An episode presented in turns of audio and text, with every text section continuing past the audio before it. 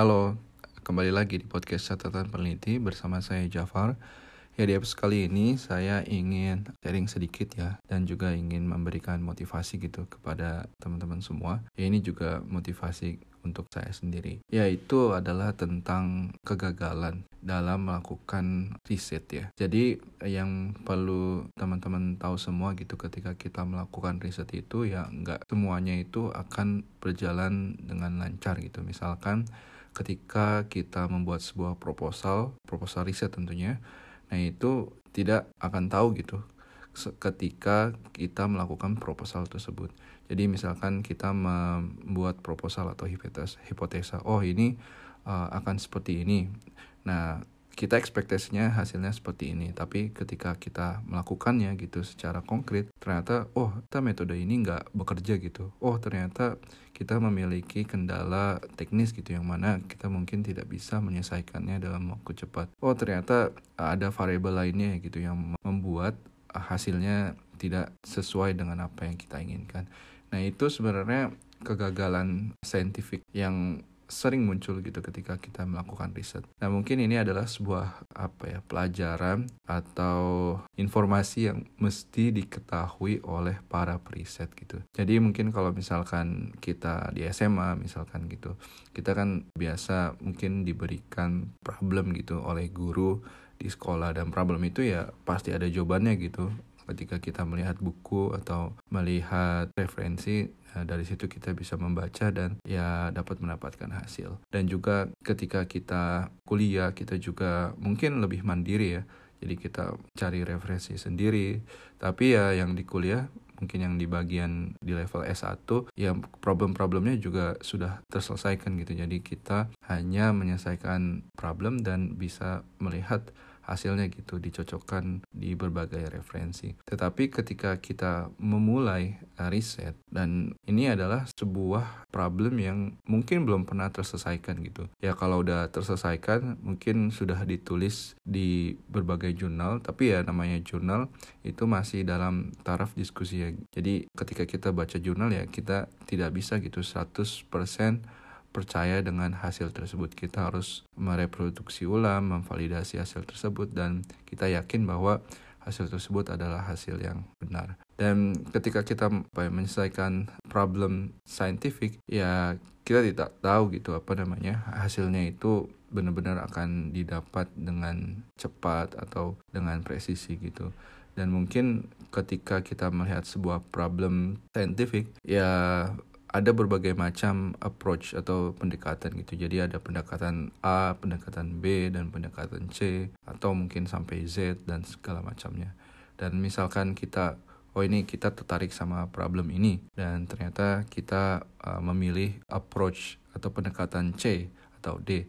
Nah ternyata kita setelah kita membuat proposal tentang itu dan kita melakukannya, oh ternyata pendekatan C sama D itu nggak bisa gitu untuk mendeskripsikan atau menyelesaikan masalah tersebut. Dan dari situ ya kita harus mencoba ya approach-approach yang lain gitu, pendekatan yang lain atau pendekatan E atau pendekatan D atau pendekatan yang lainnya. Dan ini sebenarnya pendekatan B, C, D segala macamnya PZ itu yaitu adalah pendekatan yang yang bisa ditemukan bukan di buku tetapi di jurnal gitu jurnal publikasi. Jadi kita lihat oh ternyata di grup di misalkan di Kanada atau di Jepang atau di Korea atau di Taiwan di China atau di Thailand atau segala macamnya mereka mungkin memiliki pendekatan tertentu gitu dalam menyelesaikan sebuah problem. Dan ketika kita oke okay, kita mengadopsi uh, yang dari Jepang misalkan oh pendekatan uh, B dan terus kita ngeliat oh yang dari Korea oh ini pendekatan E dan ternyata oh kayaknya bisa digabung nih. Kita jadi buat pendekatan gabungan gitu antara B dan E. Dan dari situ ya kita bisa menambahkan ide kreatif kita sendiri dan kita bisa memformulasikan yang baru oh ini pendekatan J. Dan ini juga sebenarnya masih proposal gitu. Jadi ketika kita melakukan pendekatan J dan apa ya mencoba untuk mecahkan problem tersebut eh ternyata kayak ada kemajuan berhasil gitu. Oh ternyata ini problemnya bisa diselesaikan walaupun nggak 100% terselesaikan. Atau mungkin kayak kita misalkan mengembangkan suatu sesuatu gitu oh ternyata kualitasnya bertambah gitu. Mungkin ya 5% dan segala macamnya.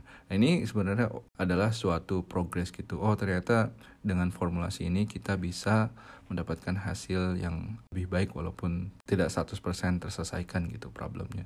Dan dari sini ya kita terus-menerus melakukan pengulangan seperti itu sehingga kita mendapatkan hasil yang lebih baik. Tapi ketika kita mendapatkan hasil yang baik itu ya itu benar-benar butuh proses yang bisa dibilang tidak menyenangkan gitu dalam misalkan ketika kita membuat program oh ternyata programnya error segala macam dan ya itu benar-benar adalah momen yang sangat momok ya atau yang sangat tidak diinginkan oleh para mahasiswa atau peneliti muda. Jadi kita itu bisa stuck ya lama terhadap problem tersebut. Nah sebenarnya pengalaman untuk memahami kegagalan itu adalah pengalaman yang mesti dimiliki oleh para mahasiswa atau peneliti muda gitu. Jadi ketika kita mengalami kegagalan ya kita bisa apa ya mengatasi kegagalan tersebut atau ya minimal kita bisa mengatasi mungkin ya dari segi mental diri kita gitu. Jadi kalau stres ya kita nggak bisa nggak usah sampai stres-stres banget gitu. Jadi misalkan hari ini stres ya udah besok kita harus udah refresh lagi dan kita harus bisa mencoba menyelesaikan problem kita lagi. Nah, pengalaman tersebut benar-benar pengalaman yang ya mesti dilatih gitu dari apa ya mungkin sedini mungkin gitu dari S1 atau S2 segala macamnya. Dan akhirnya kita benar-benar terbentuk menjadi peneliti yang handal gitu peneliti yang tangguh gitu yang jadi ketika ada problem ya kita tidak gampang menyerah. Dan ya mungkin ini ada juga artikel ya dari majalah Science lagi gitu. Jadi kalau di majalah Science itu kita bisa melihat tentang berita ya atau tentang publikasi ilmiah yang ada di uh, majalah Science tersebut. Tetapi juga sini ada banyak tulisan yang menarik gitu mungkin di section karir ya. Jadi di di section karir ini ada banyak tulisan-tulisan menarik gitu tentang ya kehidupan mahasiswa atau kehidupan mahasiswa doktor atau peneliti muda postdoc atau mungkin ya udah jenjang profesor atau fakultas. Nah, di sini mereka kayak curhat atau bagikan pengalaman mereka gitu. Nah, ini ada artikel yang menarik yang berkaitan dengan episode kali ini yaitu judulnya Why I Teach My Student About Scientific Failure. Nah ini yang tadi saya bilang bahwa ketika kita melakukan eksperimen itu ya nggak semua eksperimen itu uh, berjalan dengan lancar gitu. Jadi sekarang kan uh, saya itu sebagai mentor gitu untuk mahasiswa. Jadi kayak mahasiswa ngeliat oh ini biasanya kan kalau mahasiswa yang baru mulai itu akan mendapat problem gitu. Jadi ya problem yang didapat itu ya harus dianalisis benar-benar lebih dalam oleh student. Jadi kayak misalkan oh saya ngasih uh, problem A gitu. Jadi misalkan mahasiswa mulai mempelajari tentang problem A. Nah ini nggak serta-merta yang problem A tersebut terus saya coba kasih uh, solusinya tentang problem itu adalah misalkan solusinya pakai metode atau pendekatan B Nah itu belum tentu berhasil gitu 100%. Jadi ya dari mahasiswa ya kalau mahasiswa itu bagus berarti mahasiswa bisa mengembangkan um, pendekatan tersebut atau mungkin apa ya melihat problem dari sisi lain. Atau yang lebih baik lagi adalah mahasiswa tersebut mencari problem baru dengan metode yang mungkin mereka formulasikan. Nah ini sebenarnya sangat menarik ya dan mungkin ya itu adalah yang tadi saya bilang ada pengalaman yang mesti dilatih gitu ya atau skill yang mesti dilatih dari mahasiswa atau ya peneliti muda saat ini. Dan ini mungkin terakhir itu ada quote menarik ya dari mungkin ini salah satunya adalah peneliti terkenal ya Thomas Alva Edison gitu yaitu tentang kerja keras dan kesuksesan. Sini tulisannya bahasa Inggris ya tapi saya coba artikan gitu. Jadi dia bilang bahwa saya itu tidak gagal tetapi saya menemukan 10.000 cara yang tidak bekerja.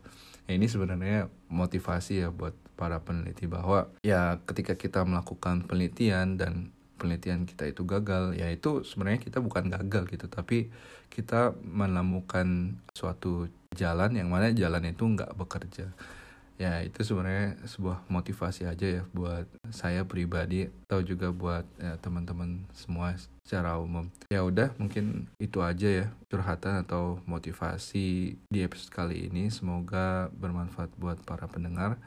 Ya udah kita ketemu lagi di episode selanjutnya. Bye bye